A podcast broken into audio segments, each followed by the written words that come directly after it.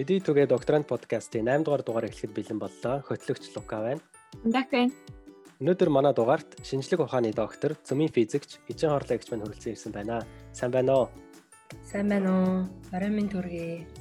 Бидний урилгыг хүлээж авч оролцож байгаад маш их баярлалаа. Сайхан шинэлсэн үү? Сар шин сайхан байв уу? Докторийн ажлын хажуугаар сар шинэ яаж хийсэн бэ? Таныг бас гэр бүлтэй, олон хүүхэдтэй гэж сонссон. Ер нь сүүлийн 2-7 хоногт ер нь ямар байгаа? Баярлалаа. Тийм сайхан шинэлсэн. Та бүхэн сайхан шинэлсэн үү? Нэр бас цагаан сар болоод удаагүй байгаа юм биш. Амар байна уу? Амар байна уу? Онлайнаар залгачи. Яаж байна уу? Амар байна уу? Цахим залгалтаа хийчлээ. Хийлээ. Тийм. Би чинь э, гэр бүлээрээ амьдардаг. Гурван хүүхэдтэй. Манай гэр бүлийн хүн бас химийн чиглэлийн доктор бит хоёр нэг сургууль төгссөн. Монголд ч гэсэн хоёлаа Монголоос их сургууль төгссөн. Манай гэр бүлийн химийн хүрээлэнд ажиллаж байгаад бас ийшээ докторт ирж суралцаад докторийн зэрэгээ хамгаалсан. Одоо энд хуваараа бизнесийн ажил хийгээд байж байгаа. Манайх гурван хүүхэдтэй. Одоо яг л судалгаа сургуулийн хажуугаар төрсэн хүүхдүүд яг яг хоёлаа яг сургууль судалгаа хийгээд хүүхэд төсгөх бол бас амаргүй. Гэтэ э, ээж нар маань ирж бит хоёрт их тусалдаг байсан. Тэг ямар ч байсан бит хоёр зорилгоо биелүүлэх гээд хичээгээд хажуугаар нь гэр бүлийн амьдралаа зохицуулаад тэгэл зүтгээд л явж байна да. Өг танай э, таны нөхрийг доктор гэж сая одоо л мэдлээ. Тэгэхээр ч одоо аав ээж нь хоёулаа доктор ахлаар гурван хүүхэд ирээдүйн боловсрал ер нь ямар байх вэ? Та ер нь юун дээр анхаардаг вэ? Үгүй тэгээд э, нөгөө хүмүүс хэлдэг штеп хүн болгоо математикч ч юм уу физикч халбуу ээж ав болно гэдэг чтэй. Тэр хүүхдүүд мэдээж орчин нөлөөлөл байх л та хүүхдийн сонирхол э, хүсэл мөрөөдөл ч юм уу тийм зүйлд ямар тач хүүхдүүдээ дуртай юмын дураар нь хийлгэхийг хүсдэг. Тэгээд одоо тэр хүүхэд явандаа ямар мэрэгжилтэй юу хийж юу сонирхож чинь тэрийг нь бол чөлөөтэй чадхаараа дэмжээл явъя гэж боддог. Тэг яг гол асуудал нь гадаадд төрж өсөж байгаа хүүхдүүд учраас тэгээд бас нөгөө өдөржингөө хамт бусад ээжүүдтэй адилхан байж чадахгүй учраас гадаадд төрж хүүхдүүдэд хэлний асуудал бас байдаг. Тэн дээр сүүлээд бас жоохон анхаарч тулж ажиллах гал хичээж л байна. Тийм. Монголдо байхгүй, Монгол руугаа тэр болгон явж чадахгүй. Тэгээд одоо өдөр нь сургууль цэцэрлэгээр хөвчлэн ингээ хүмүүжиж байгаа хүмүүстэд гадаад байгаа хүмүүс хэлний жоохон бэрхшээл үүсдэг. Одоо монгол хэлээ сайн мэдэхгүй байх ч юм уу. Тэрэн дээр жоохон анхаарах шаардлагатай гэж үзэн нэлээд анхаарахыг хичээж байна сүүлээд. Аа ажил мэргэжлийн хувьд бол аяндаа хүүхдүүд өөрсдөө л сонгох бах та. Тэгээд сонирхсан юм нь бол дэмжин чадгаараа. Баярлалаа. Та сая хэлсэн нөгөө монгол хэлэн дээр нь анхаарах хэрэгтэй гэдэг чинь бодитоор та яг яаж анхаарч байгаа вэ? Ямар арга хэмжээ авч байгаа бас сонсогчдод маань дотор бас гадаадд хүүхдээ хүмүүжүүлж байгаа хүмүүс бас танд таны зөвлөгөө хэрэгтэй гэж магадгүй гэж бодлоо. Аа. Одоо нэг хэсэг бол бит хоёр хоёлаа яг л нарийн судалгаа хийгээл яг одоо гэр бүлэрээ байх цаг одоо амралтын өдөр заримдаа ээлжлээд амралтын өдөр сургууль руугаа явдаг ч юм уу.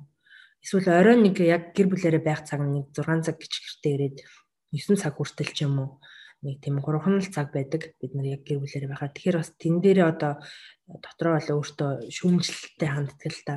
Одоо энэ 3 цагийг хүүхдүүдтэйгээ яаж ашиглах вэ юу ярих вэ тэгээ бас тэр хооронд чинь маргаашийн бэлтгэл оройн хоол энэ чинь гэр бүлийн эзэгтэй ажлууд гэх зөндөө юм байна. Тэр хооронд бол бас яг бүр амар яриад бүр заагаад монголоор шууд яриад тулгаад хахад бас хэцүү л байдаг л та Гэтэ яг тодорхой өдөрт нэг 20 30 минут ч юм уу яг монголоор ярий ингийг тэгж хэлнэ, ингийг тэгж хэлнэ гэл одоо сүүлээд бас нэлээд том болоод байгаа болохоор том маань 9 настай том хүүхдээсээ эхлээл жоохон анхаарай гэж бодоод тодорхой яг өөрөө бүр яг системтэйгээр бас заах тийм хэл заах тийм туршлагагүй учраас одоо хэлний сургалтын төвд явуулж байгаа нэг онлайн сургалтын төвд.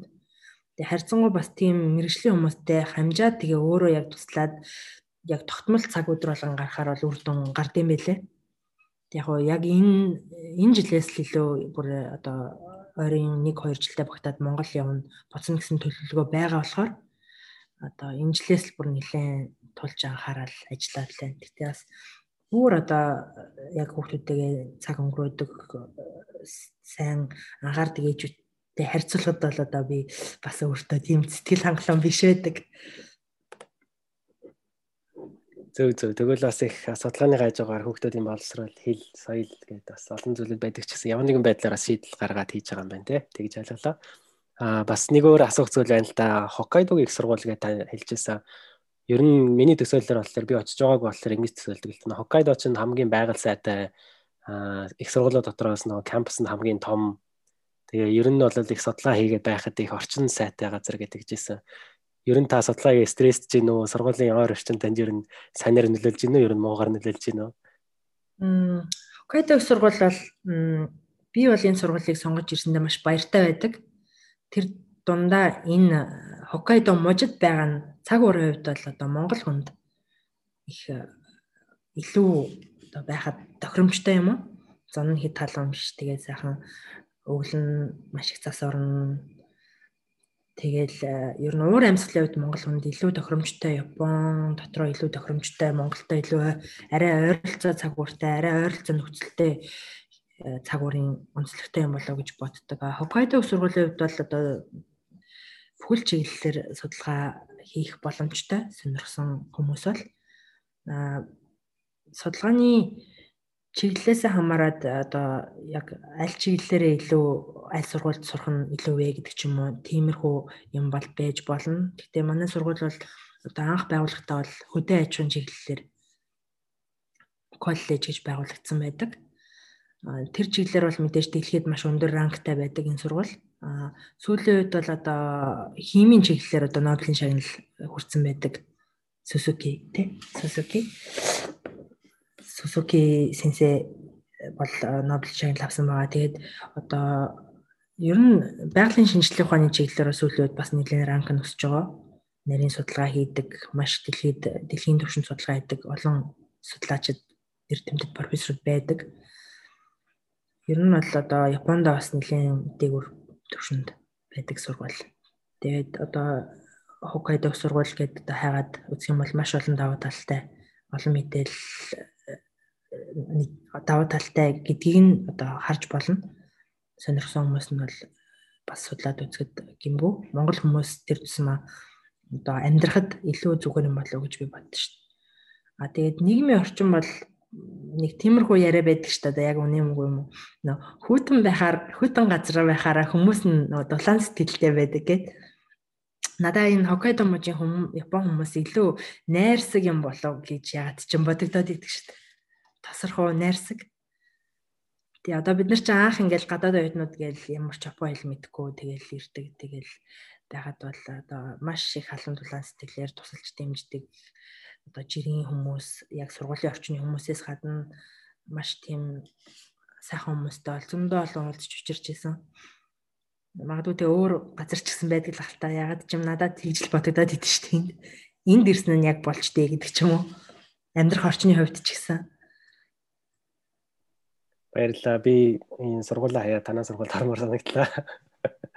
Токиод дөрөнд дулаахан болохоор хүмүүс нь бас их хүтэн сэтгэлтэй байх юм гэж аяа бодогдох юм байна.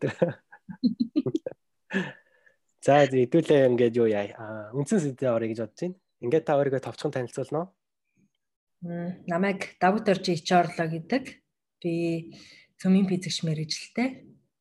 Тэгээд Японд докторийн зэрэг хамгаалсан. А Японд ирэхээс өмнө Монгол Улсын их сургуулийн сургуульд цөмийн технологич мэрэгчлэр төгссөн. Тэгээд э, тэндээ магистрийн зэрэг хамгаалаад Монгол Улсын их сургуульд ажиллаж агаад энд докторт сурахаар ирсэн. Тэгээд докторийн зэрэгээ 2012 онд хамгаалсан. Тэгээд тэрнээс хойш энэ Японы Хоккайдогийн их сургуульд докторийн зэрэг хамгаалаад одоо энд үргэлжлүүлээд судалгаа хийгээд ажиллаж байна. Баярлалаа. Ингээд тантай өнөөдөр цөмийн физикийн талаар их гүнзгийрүүл ярилцъя гэж бодож байна. Манай хөтлөгч Ундак маань бас энэ мэрэгчлэр мастерын зэрэг эзэмшсэн байгаа.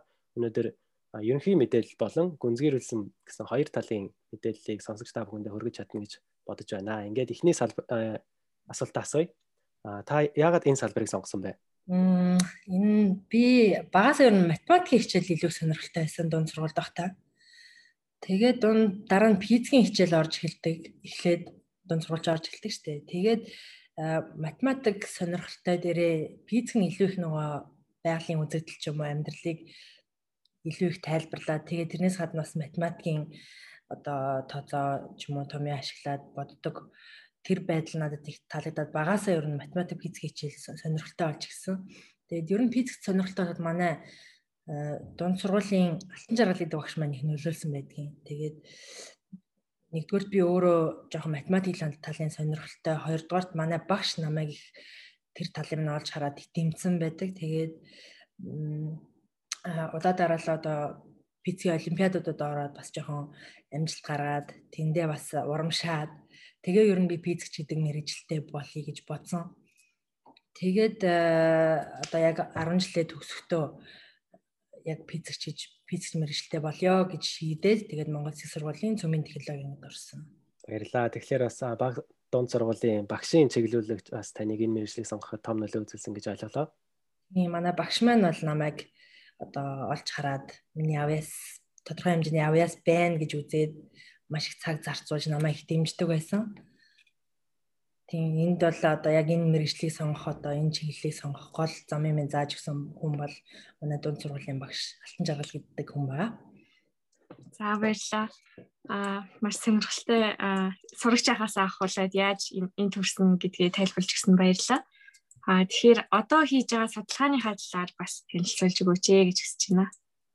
Аха. Тэгээд анх би энд Японд ягаад энэ сургуульд ирж суралцах болсон нөө эхлээ бас ярьсан дээр ах гэж бодож байна. Тэгээд тэгээд энэ мэдээж нөө Монгол Улсын сургуульд физикийн чиглэлээр орж суралцсан байгаа. Тэгээд төгсөөд одоо бас сургуульдаа үргэлжлүүлж судалгаагаа хийж магистрт суралцаж ажиллах боломж надад олцсон.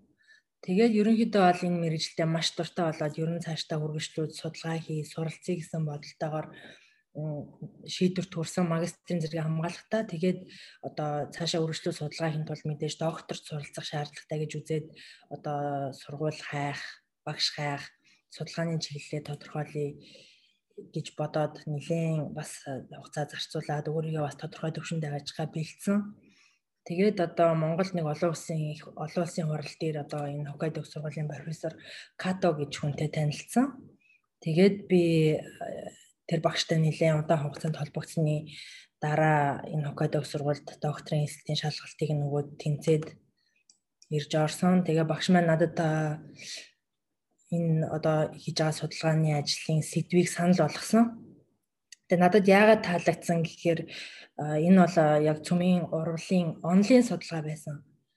Тэгээ би яг судалгааныхаа ажлыг Монгол буцаж очиод хийсэн ч гэсэн одоо Монголд одоо судалгааны ажил явуулахад одоо гол төв бэрхшээлтэй зүйл нь бол одоо бааш тоног төхөөрөмжний дутагдaltaй ч юм уу одоо яг манай салбар гэлтгүй одоо бус салбар ч гэсэн тийм байдаг байх. Тийм асуудал бол нэлээд байдаг байх гэж бодож байна. Тэгээд онлайн судалгааны хувьд бол одоо тоног төхөөрөмжөнд хязгаарлагдахгүй одоо би тодорхой төвшөнд суралцаад судалгаагаа одоо өөрөө бие дааж явуулах хэмжээнд хүрсэн байх байлаа гэхэд одоо ямар нэгэн одоо тоног төхөөрөмж ч юм уу төсөн мөнгө ч юм уу тэрний саад бэрхшээл харьцангуй надад баг тулгарх юм байна гэж бодоод одоо энэ судалгааг бол би яг эзэмшээд хийгээд өөрийн болгож аваад одоо Монголд очоод үргэлжлүүд судлаад одоо сурсан юм байвал одоо буцаж очоод их сургуульд ажиллах гэдэг оюутнуудад заадаг ч юм уу. Тэгэх юм бол надад илүү их боломжтой ирээдүйтэй байх юм байна гэж бодоод э, эргэлт туцалтгүй энэ сургуульд сурыг энэ багш шиг дагаж судалгаа хий гэж бол шийдсэн. Тэгээд одоо яг миний докторийн судалгааны ажил маань бол одоо би нэг слайднууд бэлдсэн байгаа. Харуулад ярил илүү сонирхолтой ойлгомжтой байх болов уу гэж бодож байна. За ерөнхийдөө одоо Японд ирснээс хойш бол миний судалгааны ажил бол үндсэндээ гурван чиглэл рүү явсан докторийн судалгааны ажлаас гадна би үргэлжлүүлээд бас арай өөр чиглэл рүү судалгааныхаа чиглэлийг өөрчилсөн. Ягаад гэвэл би одоо доктор хамгаалаад бараг 9 жил болж байна шүү дээ. Тийм. Тэгээд үндсэндээ гурван чиглэлийг ерөнхийд нь тайлбарлая. Гэхдээ энэ нэг тайлбарлахын өмнө одоо манай энэ цөмийн физикийн шинжилгээ ухааны одоо суурийн ерөнхийд нь одоо өөр мэрэгжлийн хүмүүс ч гэсэн ойлгомжтой ойлгомжтой байх үүднээс товчхон тайлбарлачаад дараа нь араас нь өөрийнхөө судалгааны ажлыг тавьж тайлбарлая гэж бодож байна. Энэ бол миний ерөнхий танилцуулга. Би 2005 онд Монголоос их сургууль төгссөн. Тэгээд 2007 онд магистрийн зэрэгээ хамгаалаад 2009 оноос эхлээд Хоккайдо их сургууль доктор дэсчээр суралцсан. Одоо энэ одоо миний яг энэ фото зурган дээр яг миний дөнгөж доктор дээрээ зогсож байгаа одоо 10 11 жилийн өмнөх Жорлагийн зураг байна. Тийм тэгээд 12 онд энэ сургуулаа докторийн зэрэгээ одоо багшийнхаа удирдлагын доор амжилттай хамгаалсан. Тэгээд тэрнээс хойш одоо үргэлжлүүлээд э, эндээ судалгааны ажлыг хийсээр байна. Тэгээд судалгааны ерөнхий чиглэлийн бол би дараа нь товчхон тайлбарлая. Тэгээд эхлээд одоо яг өөр мэрэгжлийн хүмүүс болон босод сонсож байгаа хүмүүст одоо би ерөнхийдөө энэ цөм физикийн шинжилгээ ухаан гэж юу юм бэ? Яг юу судалт юм бэ? Яг ямар хэрэглээтэй юм бэ гэдгийг товчхон тайлбарсан дээр байх гэж бодож байна. Тэгээ цөмийн физикийн шинжилгээ ухаан бол 1895 онд рентген рентген цацрагийг нээснээс анх эхэлж энэ шинжилгээ ухааны суур тавигдсан гэж үздэг. А тэрнээс хойш бол одоо төрөл бүрийн цөмийн цацрагийн нээлтүүд одоо тэдгээр цацрагийг одоо амьдрал яаж хэрэглэж болох вэ гэдэг дээр үндэслэн олон янзын нээлтүүд судалгаанууд хийгдсэн байдаг. Өнөө хүртэл одоо хүртэл одоо тодорхойгүй нарийн судлах шаардлагатай салбар чиглэлүүд бол одоо манай салбарт бол зөндөө байгаа. А тэгтээ бас одоо түүхийг судлах юм бол одоо яг инхийн биш зориулалтаар ашигласан ч тохиолдол байна.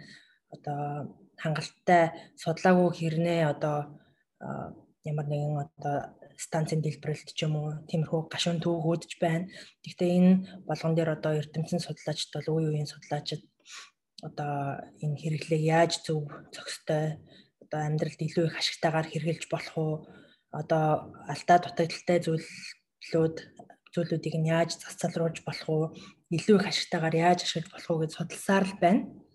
Тийм тэгээд э, ерөнхийдөө бол хүмүүс зарим тал дээр өрөөсгөл ойлголттой байдаг. Гэхдээ энэ салбар бол зөвхөн одоо тэр э, өнгөрсөн э, дайны зориулалтаар ч юм уу одоо тэр чиглэлээс илүүтэйгээр бас одоо зөндөө олон амьдралд хэрэгтэй хэрэглээний чиглэлүүдэд бол ашиглах боломжтой маш олон чиглэлээр э, судалгаа явуулах боломжтой их өргөн салбар шинжилгээ ухаан юм аа. Ерөнхийдөө одоо цөм гэж юу нь яг юу юм бэ гэдгийг товчхон тайлбарлая. Энд дээр бол одоо атомын бүтэц харуулсан байна.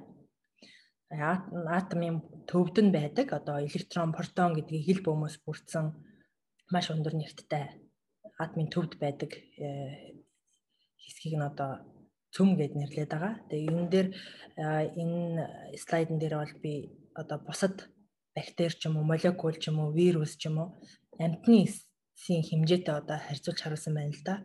Цөмийн хэмжээг. Энэ бол маш нэгтэр нэгт ихтэй атомын төвд байдаг маш их л жижиг хэсэг юм а гэж одоо ерөнхийдөө тайлбарлаж болно. За цөмийн цацраг гэж юу юм бэ? Цөмийн цацраг гэдэг одоо 3 дөрвөн төрлийн цацраг энэ дээр харуулсан байна. Альфа цацраг, протоны альфа цацраг, бета цацраг, гамма цацраг. Наривчилж яриулаа одоо нейтроны цацрагалт, протон цацрагалт гэдээ наривчилж ярьж болно. А тэгээд одоо эдгээр цөмийн цацрагуудын нэвтрэх чадварыг нь бас энэ слайдн дээр харуулсан байна л да. Жишээлбэл альфа цацраг бол одоо цаасч нэвтэлж чадахгүй байхад одоо гамма цацраг бол одоо бүр зузаан хар тулгын ханыг ч юм уу нэвтлэх боломжтой. Тэгээ засраг идэвхт э, элементээс бол одоо эдгээр э, төрлийн цацрагууд цацрагдах боломжтой. Тухайн одоо эдтопийнхоо онцлогоос хамаарат ямар төрлийн цацраг гарах гаргах боломжтой вэ гэдгийг өөр өөр байдаг. А цөмийн урвал гэж юу юм бэ гэдэг энэ дээр ярьсан байна. Одоо жишээлбэл энэ дээр бол би химийн урвал, цөмийн урвал хоёрын ялгаа нь юу юм бэ гэд хүс нэгтэн дээр харуулсан байна л да. Химийн урлагийн үр дүнд бол одоо энерги бол баг ялгархгүй. Харин цөмийн урлагийн хувьд бол маш их энерги ялгархдах боломжтой. А тэгээд тэдгээр бол урлагийн үр дүнд бол одоо түрүүний хэлсэн одоо цөмийн цацрагууд бас ялгарх боломжтой. Энэ химийн урлын хувьд бол одоо нэг масс бол өөрчлөгдөж байгаад цөмийн урлын хувьд бол одоо тухайн системийн масс баг өөрчлөгддөг. Гэвч одоо маш их энерги гаргачих боломжтой байдгаар харцдаг. За тэгвэл цөмийн физикийг одоо яг ямар салбаруудад хэрэглэн хэрэглэх боломжтой вэ гэх юм бол одоо эмнэлгийн салбарт бол сүүлүүд маш өргөн хэрэглэгдэж байна. Тэгээ үндсэндээ миний сүүлийн үеийн судалгаа бол одоо цөмийн энэ физикийг эмнэлгийн салбарт яаж ашиглах ашиглаж байгаа вэ гэдэгтэй бол нэлээд нарийн холбогдно. А хөдөө аж ахуйн салбарт бол ашиглах ашиглах боломжтой. Одоо жишээлбэл одоо хүнсний бүтээгдэхүүний хадгалалтыг удаашруулах эсвэл одоо хүнсний бүтээгдэхүүний одоо бактерийг устгах ч юм уу. Тэн дээр бол нэлээд ашиглагддаг. Тэгээ гих мэдчлэн амьдрал дээр бол олон салбарт бол ашиглах боломжтой. Тэгээ одоо хүмүүсийн сайн мэдэх одоо энерги гаргаж авах админ цэглэгээ станц бол одоо нэлээд томоохон байр суурь эзлэх зүүн бицгийн шинжилгээ ухааны хэрэглээ. А цаашлаад бас ярих юм бол одоо хил гайл дээр одоо хүмүүсийн цөмийн цацрыг ашиглаад хил гайлын одоо одоо жишээл нөгөө цүнхэн доторх юмнуудыг нь тодорхой хэмжээгээр юу байна гэдгийг харахад ч юм уу тий. А нөгөөдгөө бас нөгөө одоо сүүлүүд бас археологийн салбарт бас нэлээд ашиглаж байгаа. Гэх мэтчлээ одоо яриад байвал маш олон салбарт зүүн физикийн шинжилгээ ухааныг ашиглах боломжтой. Тэр дундаа одоо миний судалгаа бол эмнэлгийн салбартай нэлээд холбогдож байгаа. Тийм болохоор энийг арай жоохон дэлгэрүүлээ ярьчих. Жишээлбэл одоо цацрагт элементийг тодорхой богино настай хүний биед одоо хор удаан хугацаанд хадгалагдаж хор нөлөө үзүүлэх боломжгүй богино настай цацраг цацрагт идэвхтэй элементүүдээр одоо эдгэрхтний үйл ажиллагааны хэвийн байгаа хэсгийг шалгах. А одоо бидний сайн мэддэг нөө компьютер томограф тэн дээр бол одоо хавдрын э, хэмжээ байршлыг тогтоох зорилгоор ашиглаж болно. А нөгөөдөгөр бас нөгөө хавдрын хавдрын одоо EDC-г цөмийн цэцэргээр шарж өхүүлэх хэмжээг нь багасгах зорилгоор л ашиглах боломжтой. За энэ ерөнхийдөө тэр хэрэглээнийх нь бүдүүч схемүүдийг бол энэ дээр харуулсан байна. За энэ дээр бол би товчхон яг докторийн ажлын дараа хийсэн судалгаагаа энэ дээр товчхон тайлбарласан байна. Жишээлбэл одоо миний сүүлийн үед хийж байгаа судалгаа гэвэл энэ хүчил төрөгчийн 16 оксиген 16 гэдэг айзотоп дээр протоноор явагдах урлаас гарч ирсэн энэ позитрон ялгаруулах позитрон гэдэг цэцрийг одоо нэмэх электрон ялгаруулах боломжтой одоо изотоп гарган авснараа энэ нь одоо позитрон emission therapy гэдэг нэмлийн бас нэг томограф гэх юм уу. Энд одоо ашиглах боломжтой цөмийн урлын судалгаа хийсэн баа. Ерөөдөө энэ урлын наривчлсан тооцоог одоо одоо математик ойролцооллоор ч юм уу эсвэл одоо тэгж хөвчлэн ойролцооллоор энэ урлыг бодож гаргасан байдаг. Энэ яг наривчсан яг онлын тооцоо бол одоо баг хийгдээгүй. А цөөхөн хідэн туршлагын судалгаа хийгдсэн байдаг. Гэхдээ энийг бол онлын нарийн тооцоогоор одоо баталгаажуулах шаардлагатай учраас одоо энийг яг нарийн наривчлалтайгаар одоо технологид нэвтрүүлэхэд бол энэний наривчлсан тооцоо маш хэрэгтэй. Энэ урвалын энэ гаралтынх нь одоо энэ хэрэгтэй позитроны гаралтыг нь нарийн тооцох шаардлагатай гэсэн үг. Тэгээ энэ одоо технологийн нь одоо гол даваа тал нь болохоор одоо яг хэрэгтэй э, одоо хавдрын одоо хүний одоо жишээлбэл ингээд толгойд хавдар байлаа гэж бодоход одоо энэ хавдрын хэмжээг бол маш нарийн тооцож гаргах нөгөө төгөөр одоо энэ энэ одоо технологиг ашигласнаас одоо бусад EDC-г гимтэхгүй байх ч юм уу. Тэн дээр бол нэлийн даваа талтай технологи гэж үзэж болно. Тэгээ ерөнхийдөө бид нар энэ бидний одоо энэ хэрэгжилж байгаа арга нь CDCC гэдэг. Энэ бол цөмийн одоо тухайн уралд оролцож байгаа цөмийн дотоод бүтцийг нэлээд нарийн тооцож өгснөөрөө одоо урлын энэ гаралтыг нь наривчилж тооцох боломжтой гэсэн одоо онлын санаагаар одоо тооцож байгаа арга юм.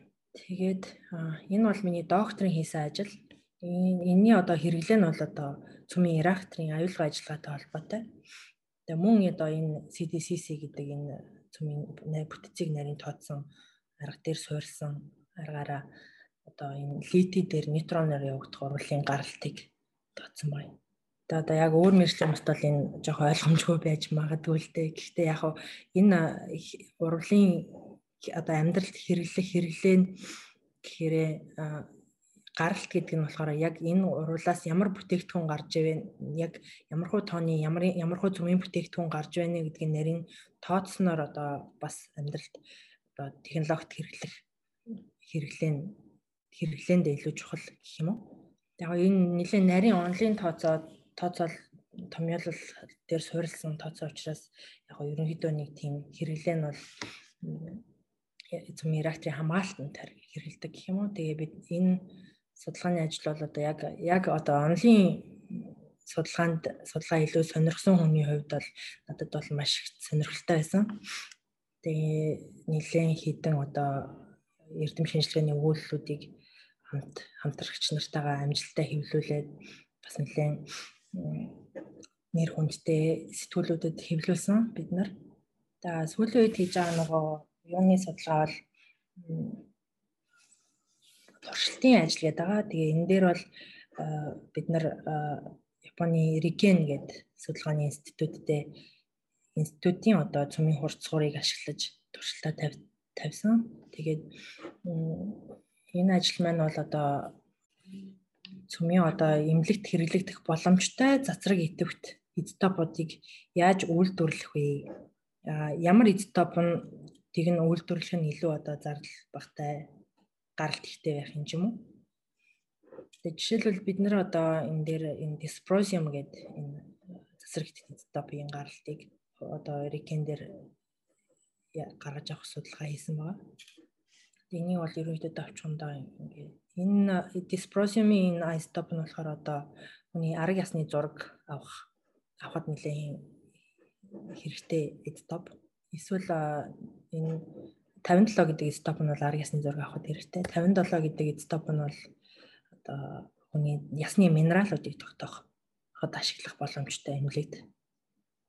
Энийн наривчсан судалгаа энэ бол өөр газруудад бол цөөхөн судлагдсан цөөхөн судлагдсан туршилт нь бол одоо дахиад нарийн энэ туршилтыг тавих шаардлагатай, судлах шаардлагатай урвал энэ цаашлаад бол одоо бас энэ бусад изотопыг гаргаж авах боломж тийм гаралтыг нь тодорхойлох судалгааг бол өргөжлүүлээд бид нар хийж байгаа.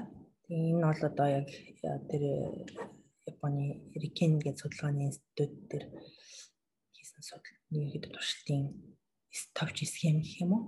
Тэгээ ерөнхийдөө нэг иймэрхүү. Тэгээд одоо яг ажиллаж байгаа судалгааны судалгааны институт судалгааны төв маань бол одоо олон улсын атомын энерги энерги агентлагтай ажил хамтарч ажилладаг бид нар бол энэ судалгааны төв дээрээ одоо Японд хийгдэж байгаа бүх цөмийн урвалын судалгааны мэдээллүүдийг нэгтгэж энэ төв дээр аваад тодорхой X4 гэсэн одоо форматад оруулаад одоо олон улсын атомын энерги агентлаг руу явуулдаг. Тэгээ ерөнхийдөө энэ ажилд бол би бас оролцоод явдаг. Өөрийн судалгааны ажлаасаа гадна. Тэгээ ерөнхийдөө л юм жоохон онлайн ажил нь бол би жоохон тайлбарлахаар ойлгомжгүй байж магадгүй. Ерөнхий давч тайлбарлал нэг иймэрхүү судалгаа хийгээ хийсэн өнгөрсөн 10 жилд тэгээд цаашдаа өргөжлөлт хийх нэлээд олон судалгааны чиглэлийн болон одоо хийж байгаа ажлаа өргөжлөх бас төлөвлөгөөнүүд нэлээдгүй байгаа. Тэгэхээр яг доторхын нэрээ ойлгохгүй ч гэсэн ерөнхийдөө онлайн мэдлэг дээрээс нас нөгөө дата анализ гэдэг янз бүрийн салбарыг хасрахсан айгүй айгүй хөдөлмөр шаардсан судалгаа хийдэм байх гэдгийг бол ямар ч ойлголоо. Аа тэгээд зөвхөн өөрийнхөө ажлаас гадна олон улсын атомын энергийн ажил энэ төр бас оролцож байгаа гэдгийг тань ойлголоо. Аа тэгээд цөмийн технологи гэхээр зөвхөн одоо эрчим хүч атомын бөмбөг энэ төр ш. Яг хөдөө аж ахуй, эрүүл эрүүл мэндийн салбар гэдэг маш олон салбарт амьдрал дээр хэрэглэгддэг гэдгийг бас тайлбарж өгсөнд баярлалаа. Аа тэгээд зин чиглэлээр төгссөн гэсэн яг миний ажил болохоор нөгөө эрчим хүчний компаниудын компаниуд клиент тэгээд зүгээр консалтингийн ажил хийдэг болохоор бас яг энэ онлайн яриа сонсог уулзсан байна маш сонирхолтой байлаа. Аа тэгээд таны хувьд бол нэгдүгээр академик салбарт ажиллаж байгаа, хоёрдугаар бас олон улсын байгууллагатай холбоотой ажиллаж байгаа гэдэг утгаараа аа одоо судалгааныхаа ажилтай Монголын их сургуультай ч юм уу хамтарсан юм байдаг уу? Эсвэл одоо оюутны солилцооч гэдэг юм уу? Эсвэл олон улсын атомын энергийн ажлын хүрээнд одоо Монголтэй Монгол хүмүүс таарлцдаг гэх юм уу? А ерөнхийдөө бол яг албан ёсны нэг тийм хамтын ажиллагаа гэхээсээ илүү одоо энэ ажиллаж байгаа сурж байгаа судалгааны төв болон лабораторитой одоо араасаа оюутнууд зуучилж одоо танилцуулж ч юм уу. Тэгвэл анханасаа бас нэлээд анхаарч хичээж ажиллахыг холбоотой нэг одоо хоёр сургуулийн хоорондын хамтын ажиллагаа ч юм уу одоо энэ ажиллаж байгаа төвийнхөө төвтэйгөө одоо Монгол Улсын сургуулийн цөмийн судалгааны төв гэж байдаг. Тэр байгууллага хамтарч ажиллах боломжийн талд ч юм уу бас чадхаараа холбоотой байхыг ирмэлцээр ирсэн. Тэгээд манай миний энэ хамтарч ажиллаж байгаа ялангуяа туршлагын чиглэлээр хамтарч ажиллаж байгаа лаборатори дээр маань хоёр монгол оюутан ирсэн байгаа. Докторт мөнгөний инженерийн аа эмжид гэдэг програмаар. Аа.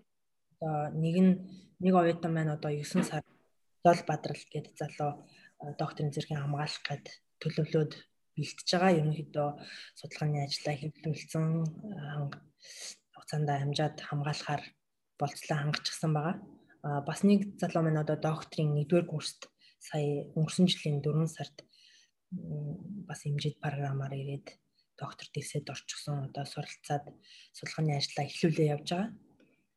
Тэгээ ерөнхийдөө энэ сүүлийн ярьсан энэ туршлагын эргэн дээр хийж байгаа туршилттай холбоотой цөмийн эмнэлэг хэрэгтлэгдэх боломжтой цэцрэг идэвхтэй элементүүдийг гаргаж авах судалгаатай холбоотой чиглэлээр одоо хоёр оюутан ирсэн бид гурав ингээд ерөнхийдөө хамтраад ажиллаад явж байгаа. Аа за тэгэхээр энэ салбарт бас нэлээд олон Монгол залуу хүмүүс аа залуу оюутнууд орж ирж байгаа юм байна тий. Аа тэгээд аа Монгол ер нь саяын таны ярьсан аа одоо протон бимийн протоны цацрагийн онцлогч гэдэг юм уу өшөө юу имчилгээний зорилттой изотоп үйлдвэрлэх зэрэг тэр салбарууд Монголд ер нь хэр явд юм болоо? Ерөнхийдөө импортлох уу? Хөвчлээ одоо яг хавдар суудлалын төв дээр одоо яг тийм шаардлагын стопууд ашиглаад одоо онцлох ч юм уу шаардлагын имчилгээ ч юм уу хийгээд явдаг. Одоо би бас яг нарийн сан мэдгүй юм. Гэхдээ ямар одоо уншаад сонсоод үзгээр тиймэрхүү чиглэлийн үйл ажиллагаа явуулдаг эмнэлгийн зориулалтаар нэлээд бас тэгтлээж хоцрогдсон биш байгаа ер нь боломжийн төвшин үйл ажиллагаа явуулдаг гэж сонссон. Тэгээд манай төгсөгчдөөс ч гэсэн тэнд ажилдгийн ажилдаг одоо манай яг нэг одны ширээний найзууднаас минь хүртэл ажиллаад явж байгаа. Сүүлийн төгсөгчдөөс ч гэсэн олон хүмүүс ажиллаж байгаа. Тэгээ эмнэлгийн чиглэлээр бол одоо бас нэлээд боломжийн төвшөнд одоо судалгааны төвшөнд бол яг одоо яг тэнд байгаа тоног төхөөрөмж ч юм уу шаардлагын ямыг ашиглаад судалгаа хийх боломжгүй ч гэсэн ийм клиник төвшөндөө бол боломжийн одоо бас олон улсын байгууллагуудын тусламжаар одоо манай засгийн газрын тусламжаар ч юм уу бас хижээгээд болон бас эмчилгээ онцлогоороо хийгээл явж байгаа юм шиг байлаа. Тэгээ би бас одоо яг тийм одоо клиник төвшөнд бол бас сайн мэдгүй байгаа болохоор нарийн бол юм хэлж мэдгүй ажиллаж байгаа хүмүүс бол байгаа. Манай чиглэлийн сургууль төгссөн манай мэрэгжлийн хүмүүсээс бол Гэтэ цаашд бол одоо бас эмнэлгийнхаа клиник дээрээ ч гэсэн давхар одоо судалгаа хийх боломж гарах байхаа л гэж найдаж байна. Би бас яг юу Японд ирэхээс өмнө нэг семестр мөйсийн цөмийн технологийн юу технологитой сурч ирсэн байхгүй. Тэгээд тэр үеийн манай найзууд ч гэсэн бас юу манай ангийнхан ч гэсэн зарим нь Орос төгсөөд зарим нь Монголдо төгсөөд бас тэр салбарт ажиллаж байгаа харагдтiin. Тэгэхээр бас залуу хүмүүс бас харьцангуй орж ажиллаж байгаа бас дайчгүй явж байгаа салбарын нэг юм болов гэж бас өнөөдөр таны яриатай нийлүүлээ тэгж ойлголоо баярлалаа.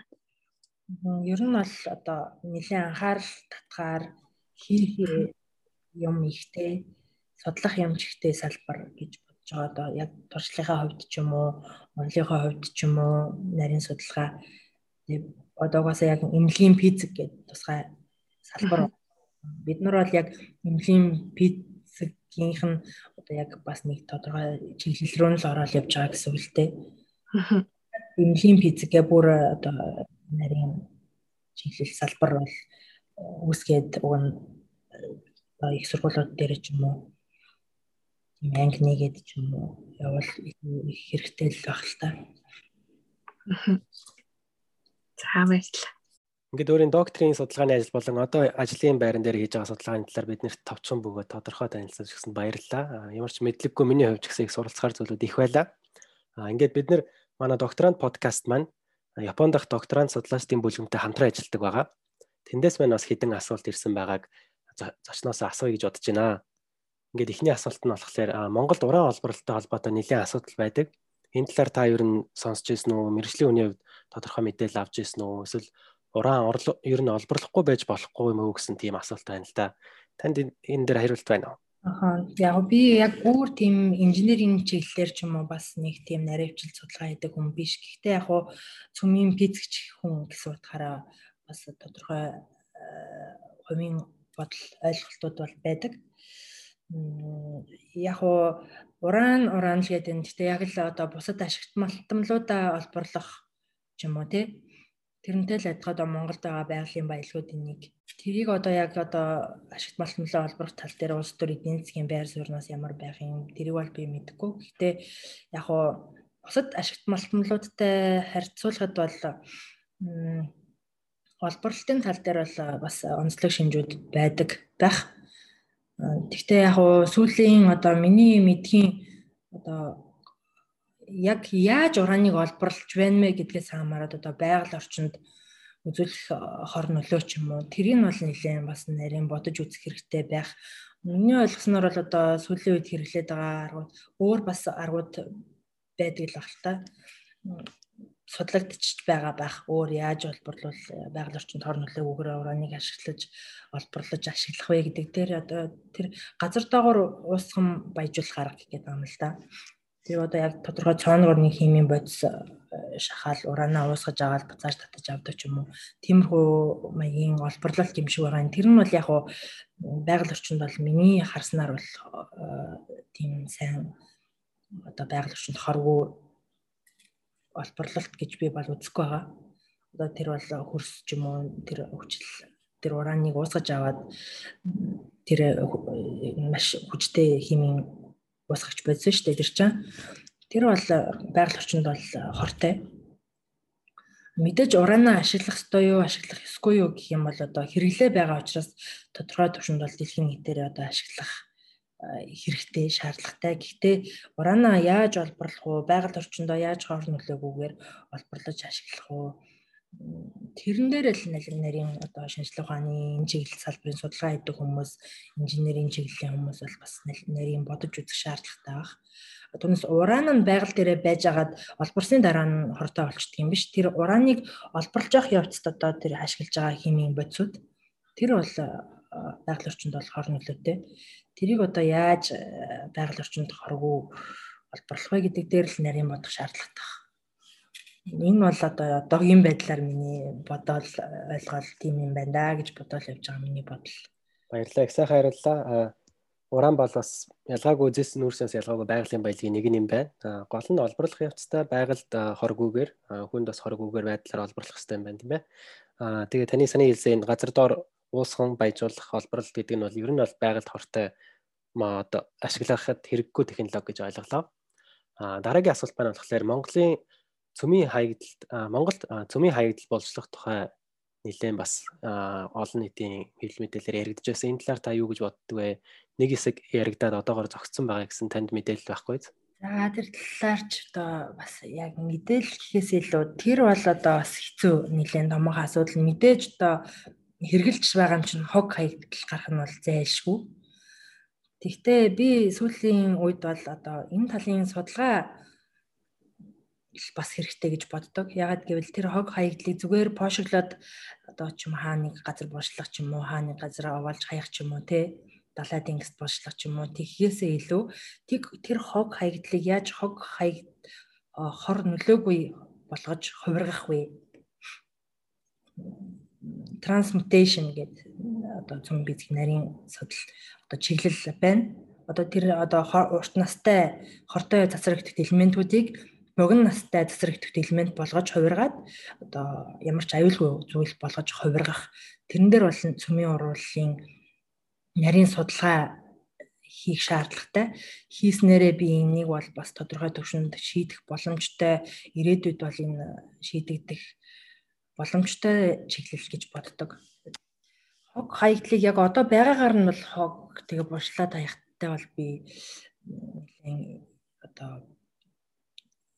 хэцүү. Тэрийг бол яг одоогийн байдлаар бол маш буруу шийдэл гэж боддог. А энийг одоо шинжлэх ухааны дэвшилтэд технологи одоо манай салбарын судлаач нарын одоо судалгааны үр дүн дээр яаж хоргүй зүйл болгох вэ? Яаж богино настай элемент болгож одоо хувиргах вэ? Тэр чиглэлийн судалгааг хөгжүүлэх шаардлагатай. Ирээдүйд бол одоо тэр төвшөнд хүрч манай салбар хөгжих байх, судалгаа хийгдэх байх, асуудлаа шийдэх байх гэж найдаж байгаа. Энэ дээр бол маш олон залуучууд суралцах хэрэгтэй, судалгаа хийх хэрэгтэй. Манай одоо Монгол залуучууд ч одоо энэ бас тодорхой хэмжээний байр суурь болоод судлах хэрэгтэй, суралцах хэрэгтэй л гэж бодож байна. Энэ бол дэлхийн нийтээрээ судлаад чидгэл явж байгаа бас гол манай чиглэл судалгаануудын нэг. Баярлалаа. Тэгэхээр ийм хог хаягдлыг бол хоргүй аюулгүй болгох технологи нь бол ирээдүйд ямар нэгэн байдлаар шийдэгдэх юм байна. Тэр нь шийдэгдсэн тохиолдолд бол энэ бол төдийлөн тийм том хэмжээний асуудал биш биш байна гэж ойлголоо. А мөн бас нэг асуулт байна. Дэлхийн бусад орнуудад энэ цөмийн физик ямар чиг хандлагатай байгаа вэ? Ирээдүйд энэ салбарын хитийн төлөв хэрхэн чиглэж байгаа бол? А ерөөдөө бол одоо би түрүүнд хэлсэн гол одоо чухал одоо нэлээд анхаарал татж байгаа салбар нь бол эмнэлгийн салбар одоо хор тавдар бол мэдээж дэлхийн нийтийн одоо бас л томоохон асуудлуудын нэг энд одоо цөм бицгийн шинжилгээ ухааны зүгээс одоо одоо нэлээд байр суурьтай бусад салбар одоо эмнэлгийн шинжилгээ ухаан одоо сүүлийн бас нанаа технологитой хүртэл хавсарч байна. Энэ бүх шинжилгээ ухааны чиглэлүүд хамтраад одоо цөм бицэг цөм бицэгтэй хавсраад хор тавдрын тал дээр эмнэлгийн салбар дээр бол нэлээд их судалгаанууд хийгдэж нэлээд нарийн төвшөнд бол хөгжих бах. Судлаач нар бол энэ чиглэл рүү маш их анхаарлаа хандуулж судалж байгаа.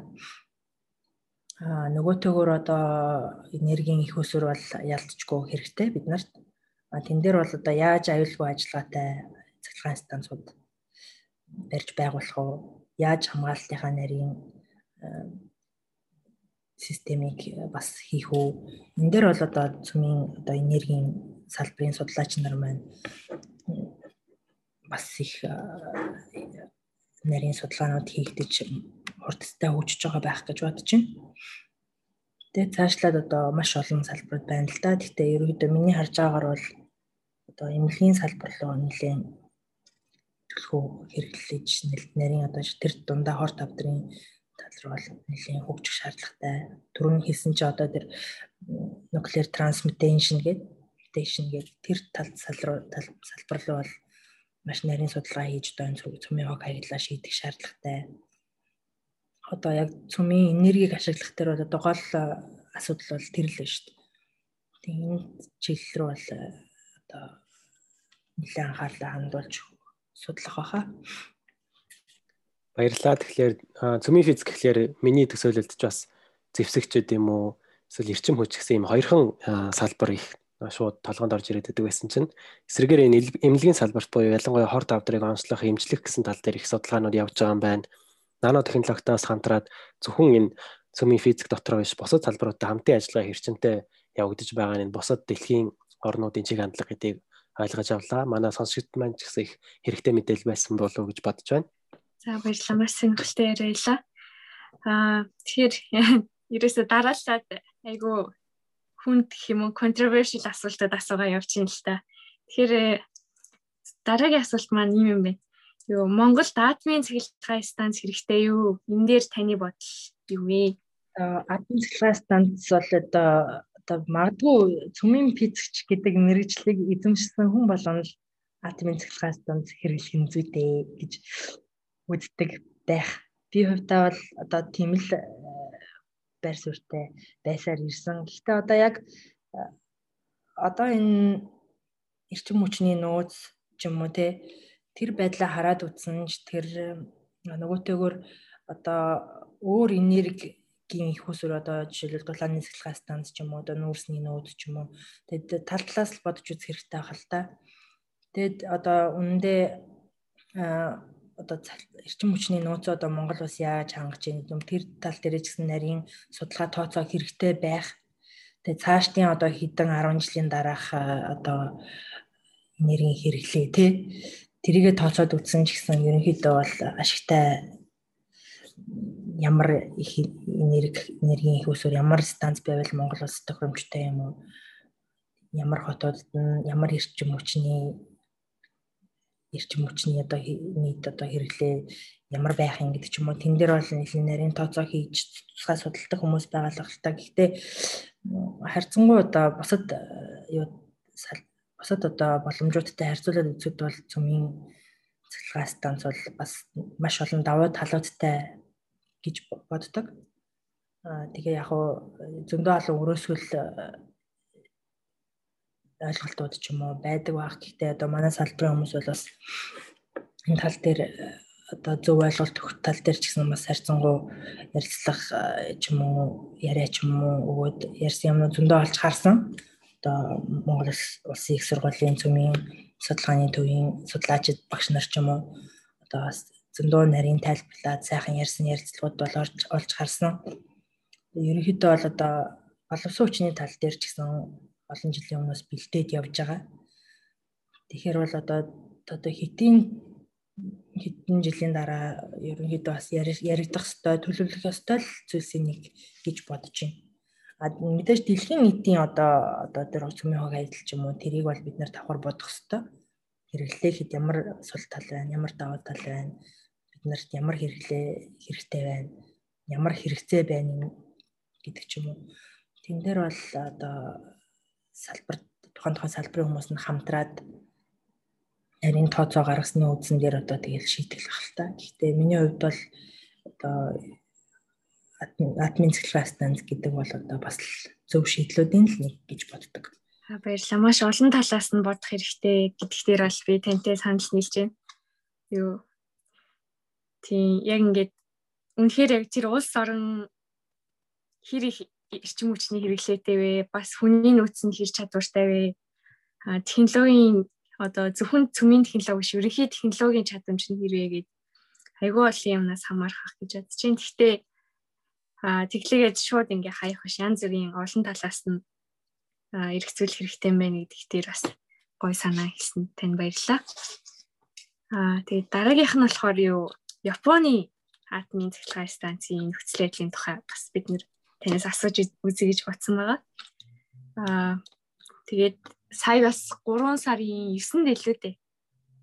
Аа бас нэлийн том газар хөдлөлт болсон. Тэгээ тэр үеэр одоо Монгол Японд байгаа монголчууд ч гэсэн бас нөгөө 2011 оны шиг юм болох үедээ гэж бас санаа зовсон байх.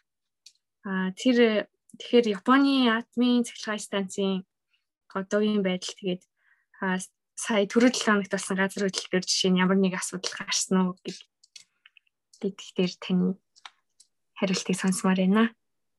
Тэр тал дээр ч та би одоо харьцангуй уурч эхлэх юм уу? Тэгвэл яг аа одоо тэр хамгаалтын систем ч юм уу одоо газар хөдлөл цунами ч юм уу одоо сүүлийн үеийн одоо орчин үеийн загварын админ цэглэгээ станцд бол энийг маш нарийн тооцож хийгдсэн байдаг гэж би бол сонссон.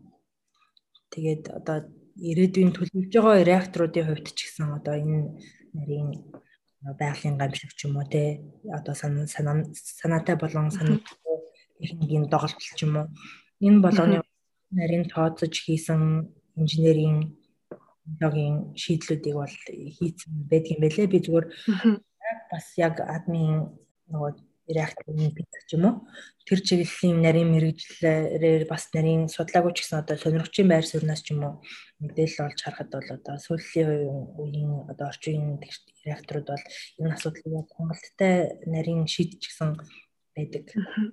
Шийдчихсэн юм байна гэсэн ойлголт бол авсан. За нэг хувьд бол одоо бас арай хуучин загварын ч юм уу те. Тийм тийм реактор байсан учраас тийм асуудал үүссэн. Одоо сүүлийн үеийн орчин үеийн реакторууд дээр бол одоо харьцангуй байгалийн гамшигч юм уу. Тийм асуудал үүсэх нь бол ер нь бол найдвартай нарийн шийдсэн байдаг. Тийм сүүлийн үед нөгөө бага урын реактор гэж зүгээр ингээд машины контейнер тэгээд зөөж явж болохоор цөмийн реактор тэгээд угаасаа нөгөө мелт таун болох боломжгүй тийм дизайн интерээс гарч байгаа болохоор бас ирээдүйд бас янз бүрийн асуудлууд шийдэгдэх байх гэх. Энэ дэр одоо чийл бүр нэр ярих бах та. Бас би бас нэт юуны энэ тийм асуулт нь бол юуны үед асуултын агуулга нь яг миний нөгөө ажил дээр хийдэг юм байна. Чийл их хариулт байна шүү. Би чинь илүү гон зүгээр би яг яг сонирхчийн байр сууриас л одоо яг нөгөө бүр ингэ шийдсэн юм байна. Өө энэ ямар мундаг юм бэ гэх юм уу. Тийм байр сууриас бол одоо сүүлийн реакторуудын бүтцөөхөн байгуул. Энийг бол харж исэн одоо манай салбараар гардаг сэтгүүл мэтгүүлүүд байдаг штеп. Эндээрээс бол яг хэрэглээнд нэвтрэх нэвтрэлтээ бас жоохон хэдэн жил шаардлагатай. Гэхдээ ерөнхийдөө Америк, Орос хятад энэ төр бол ерөнхийдөө амьдралээр хэрэгжүүлэнгээ шийдсэн хоорондоо өрсөлдөд явж байгаа. Нэг нэг төрлийн бас технологийн рейс эхэлж байгаа л гэж харж байгаа. Тэгээд тийм саяны 3 сарын газар хөдлөлтийн үеэр бол юу би бас би бас сонирхоод харж лээсэн ч та. Дахиад нөгөө нэг юу Фукушима шиг юм болчихвол дахиад гэрийнхэн маань санаа зовхох тач гэдэг утгаараа ч тэр. Тэгээд ямар ч хэсэн саяны газар хөдлөлтөөр бол ямар нэгэн асуудал үүсээгүй байгаа. Тийм гэтээ тийм тэглээгээд ерөөсөө асуудал хөө гэсэн үг бол бас биш л дээ тийм. За за. Баахан зочныхоо урдуур ороо баахан ярьчлаа уучлаарай. Тийм. За тэгээд ерөнхийдөө бидний бэлдсэн асуулт маань ингээд дуусч байна. Маш сонирхолтой хариулт өгсөн танд баярлалаа. Ерөнхийдөө бүх асуултыг ингээд харахад айгүй олон талаас нь бодох. Тэгээд нээлттэй сэтгэх гэдэг дээр бол айгүй гоё санаанууд авлаа. Аа ялангуяа цөмийн хаягдлын хувьд бол заавал яаж болох дээрээ төвлөрөх биш, яаж багасгах дээрээ төвлөрөх ч юм уу. Аа уран албарлалтын хувьд ч гэсэн зөвхөн нэг нэг аргыг биш олон аргыг бас харьцуулж бодох гээд маш олон гоё санаа өгсөн танд баярлалаа. Тэгээд сүүлийн асуултан дээр бас таны таны одоо нэмэлт сэтгэлдэл ч гэдэг юм уу таны зүгээс ямар нэгэн мессеж ийл бас манай сонсогч сонсогчдод хэлэхгүй юу гэж хүсэж байна. Аа ямар ч байсан ийм сонирхолтой подкастнда намайг урьж оролцуулсанд баярлалаа. Тэгээд яг гоо бүр нарийн одоо ярихад бас хэцүү байлаа л да. Яг онлайн судалгаа болохоор нөгөө төгөөс нөгөө энд ингээл семинар ч юм уу семинарын байдлаар яриад сурцсан. Тэгээд бас хөвчлэн англиар яриад идэг болохоор яг нэг өөр мэрэгжлийн ойлгомжтой эвтэйхэн яаж ярих вэ гэсэн чинь жоохон тулгамдаад ойлгомжгүй ярьсан байж магадгүй. Тэгтээ яг өөр мэрэгжлийн хүмүүс одоо одоо бишээ манай мэрэгжлийн хүмүүс сонирхоод надтай холбогдоод бүр одоо чи юу хийдий ямар судалгаа хийдий ингээд мэдээж холбогдвол би нээлттэй ярилцсан. Ерөнхийдөө бол би өнөөдөр болохоор жоохон өөр мэрэгжлийн хүмүүст ерөнхийд нь яаж тайлбарлавал зүгээр юм бэ гэсэн байдалтайгаар ярьчих шиг боллоо. Тэгээ бас жоохон үгийн сонголт Монголд буруу байсан байж магадгүй. Тийм тэгээд ямар ч байсан одоо өөрийнхөө хийж байгаа судалгааны ажлыг ерөнхийд нь хүмүүст ингээд танилцуулсандаа баяртай байна.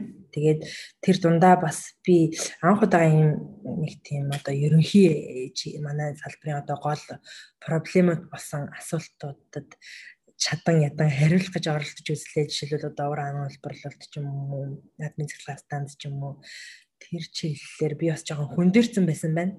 Яг наривчилсан тийм судалгаа хийгээд жоохон утчихсан болохоор гэтээ бас нэгэн талын мэрэгжлийг эзэмшээ явж байгаа хүн болохоор бас өрөнгөсөн ойлголттой бодолтой л байх ёстой л доо. Тэгээд яг бодоол явжсанаас шиш ингэж хүнтэй бүр ингэж хүмүүстэй ингэж ярилцж байгаагүй юм байна. Бас тодорхой хэмжээгээр бас надад ч гэсэн айгу шинэлэг сонирхолтой байлаа. За баярлалаа. За ингээд манай асуултуудад хариулсан танд баярлалаа. Хамгийн сүүлд надад бас нэг асуулт байна. Та одоо залуу судлаач, судалгаа хийж байгаа хүмүүс эсвэл ийм академик төвшөнд э, дэвшиж мэрэгжил дэвшлүүлэх гэж байгаа хүмүүст хандаж хэлэх зүйл байхгүй гэж бодсон гэхээр э, ямар ч байсан би одоо Монгол буцаад хийлээ гэхэд одоо ямар нэгэн э, юмд хязгаарлагдахгүйгээр би энийг бие дагаа судалгаа хийж чаддаг болцсон очих учраас одоо жишээлбэл мөнгө ч юм уу судалгааны төсөв мөнгө эсвэл тийм урвалж бодис ч юм уу тийм тоног төхөөрөмж байхгүй учраас би хийж чадахгүй болохгүй би яг л нэг тийм энэ арга зүйн яг ийм нарийн онлын чиглэлээр өөрийгөө хөгжүүлчих юм бол одоо би энэ судалгааг хийж чаддаг болох учраас эсвэл ийм цаашдаа өөр судалгаа хийгээд явах хүмүүст зөв одоо бэкграунд өгөх багш болох ядчил багш болж болох хэрэгцээ байгаа учраас би сорё гэж бодсон энэ чиглэлээр. Тэгэхээр яг уу залуу шинээр судалгаа хийж эхлэх гэж байгаа ч юм уу хийгээ явж байгаа хүмүүс бол бас давхар давхар бас э, ганцхан нэг юм яах биш э, бас хид хідэн боломж бас бодоод эсвэл заавал нэг Монголын юмд хязгаарлагдахгүй ямар боломжууд байна гэж сайн бодоод чиглэлээ сонгуул их зүгээр юм байна гэж бодсон тэгж хэлье гэж боддог. Ер нь ойр хавийнхаа хүмүүс ч гэсэн хэлдэг. Ерөөдөө тэгж хэлье гэж боддог да. Баярлалаа. Аа ингээд манай докторант подкастын 8 дугаар дугаарт шинжлэх ухааны доктор, цөмийн физикч, эцэг хорлогч мань ирж оролцлоо. А энэ дугаараас бид та бүхэн цөмийн физик нь зөвхөн эрчим хүч зэвсэг гэлтгүй анагаах ухаан газар тариалан гэсэн босод салбарууд ч гэсэн маш маш өргөнөөр хэрэглэгдэх боломжтой гэсэн шин зүйлүүдийг бид мэдэж авсан байх гэж бодож байна. Ингээд хамгийн сүүлд манай оролцогч маань бидэнд хэллээ. Аа Монголд боломж байхгүй ч байд юм уу? Эсвэл альва нэгэн салбарт хандахдаа зөвхөн одоо боломжгүй талаас нь харах биш, хязгаарыг эвдэж илүү боломжийг эрэлхийлж талаас нь хандвал илүү олон зүйлийг бүтээх боломжтой болов уу гэсэн үнэтэй зөвлөгөө өгсөн танд баярлалаа. Баярлалаа. За баярлалаа. Ингээд дараагийн дугаар хүртэл баяртай. Баяртай.